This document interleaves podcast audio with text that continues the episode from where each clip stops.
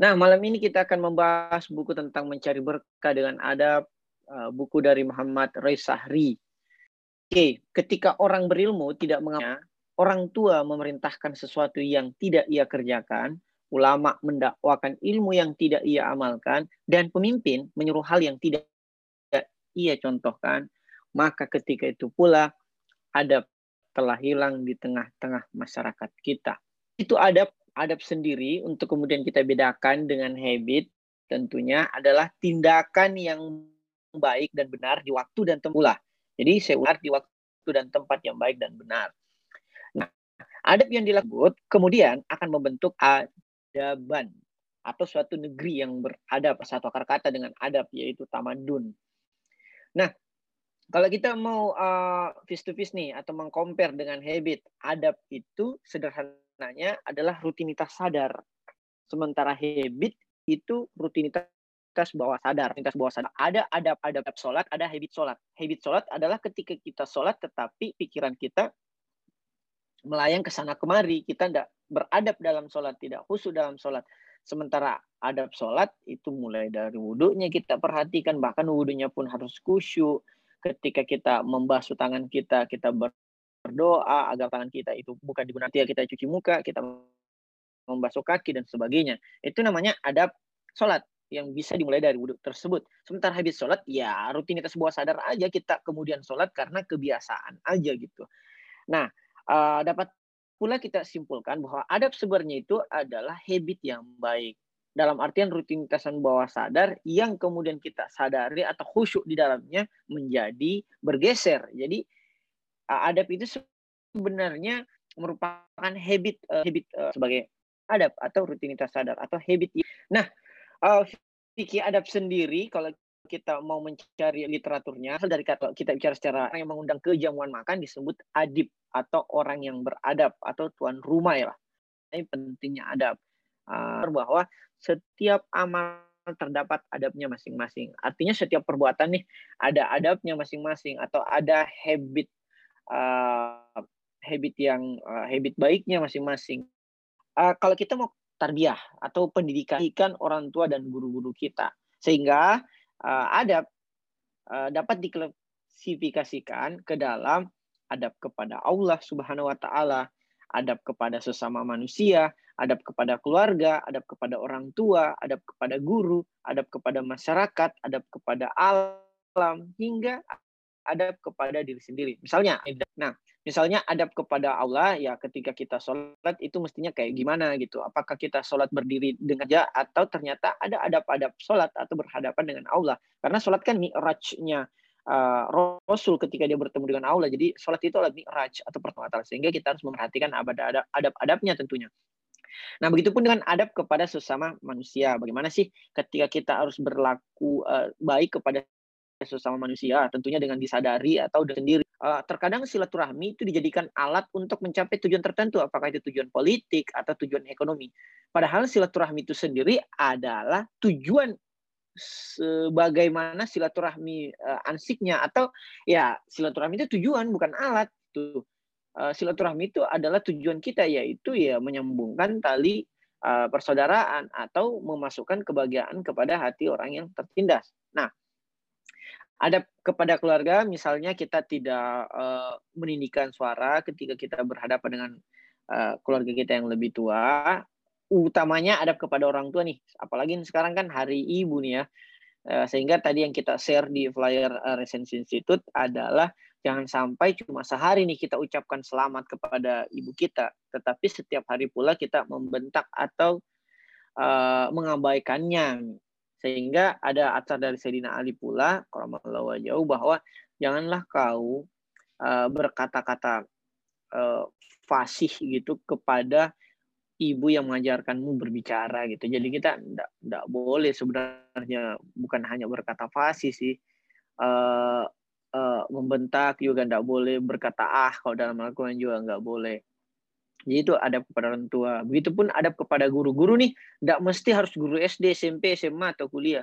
Siapa saja yang telah mengajarkan kita adab itu guru. Even itu junior kita, even itu mitra kerja kita, even itu kekasih kita, even itu tetangga kita, atau bahkan dari seekor anjing pun kalau dia mengajarkan adab kepada kita atau kebenaran perilaku kepada kita ya kita harus berguru kepadanya adab kepada masyarakat. Nah, seperti tadi silaturahmi adab kepada alam. Misalnya kita harus berlaku baik pula berlaku adil pula pada alam. Misalnya pada hewan termasuk pada uh, tumbuh-tumbuhan. Misalnya kita nih uh, lagi lagi hobi-hobinya di berkebun atau memelihara tanaman, tetapi kita tidak menyiramnya di pagi hari ya, itu dikatakan tidak beradab kepada alam.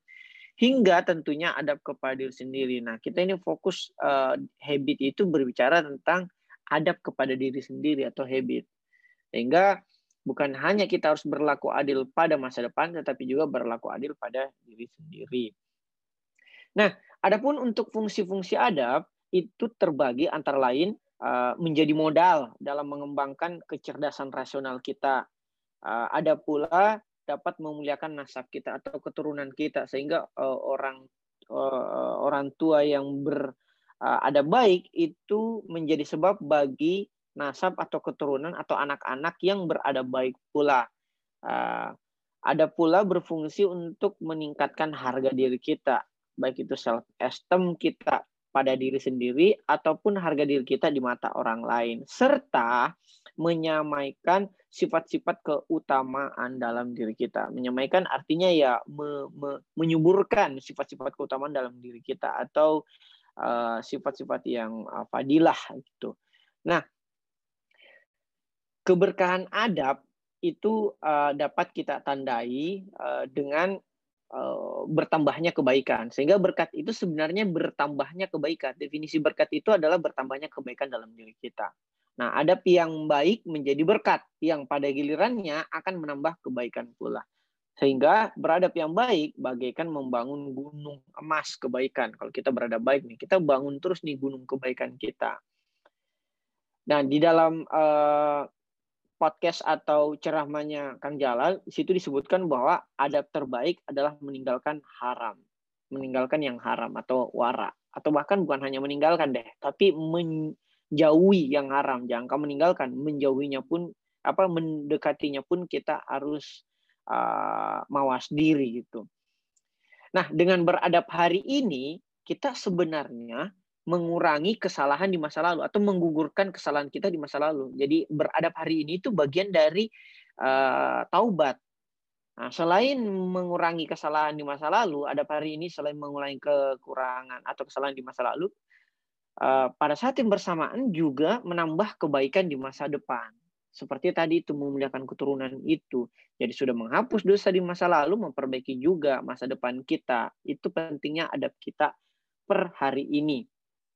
Nah, uh, yang terakhir, uh, siapa yang kemudian yang bisa kita rujuk atau sebagai mualim di dalam kita berlaku adil terhadap adab kita atau habit kita atau dengan kata lain siapa sih guru-guru adab?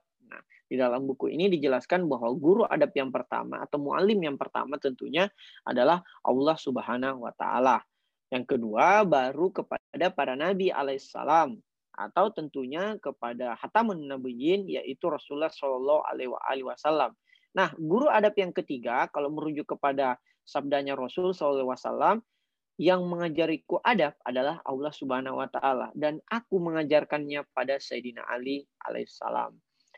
Nah, sehingga guru ketiga bagi adab tentunya adalah para imam alaihissalam yang merupakan penerus Rasulullah Shallallahu alaihi wasallam. Sehingga pula ada nih hadisnya yang berbunyi bahwa ana madinatul ilm wa aliul babuha bahwa aku adalah pintu ilmu dan Ali adalah pintunya. Barang siapa yang ingin masuk ke suatu kota, maka masukilah melalui pintunya. Nah, sementara guru adab selanjutnya atau yang keempat adalah masyarakat ilmuwan atau para saintifis atau ulama. Baik secara lisan maupun tulisan. Dalam hari ini baik kita ketemu langsung maupun hanya dengan membaca buku-bukunya termasuk pula ulil amri penguasa. Penguasa yang mau sini adalah penguasa yang adil tentunya ya.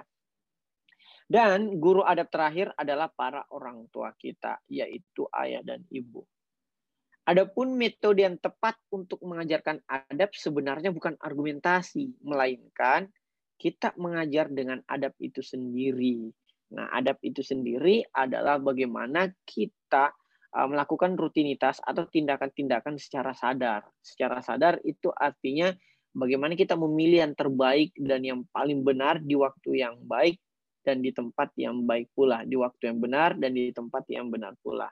Jadi, adab itu bagaimana kita kemudian uh, bertindak secara baik dan benar di waktu dan tempat yang baik dan benar sehingga melahirkan suatu rutinitas sadar yang pada gilirannya akan menciptakan peradaban. Nah, itulah mengenai uh, buku mengenai, uh, mencari berkah dengan adab. Terima kasih. Mohon maaf salah kata. Wassalamualaikum warahmatullahi wabarakatuh.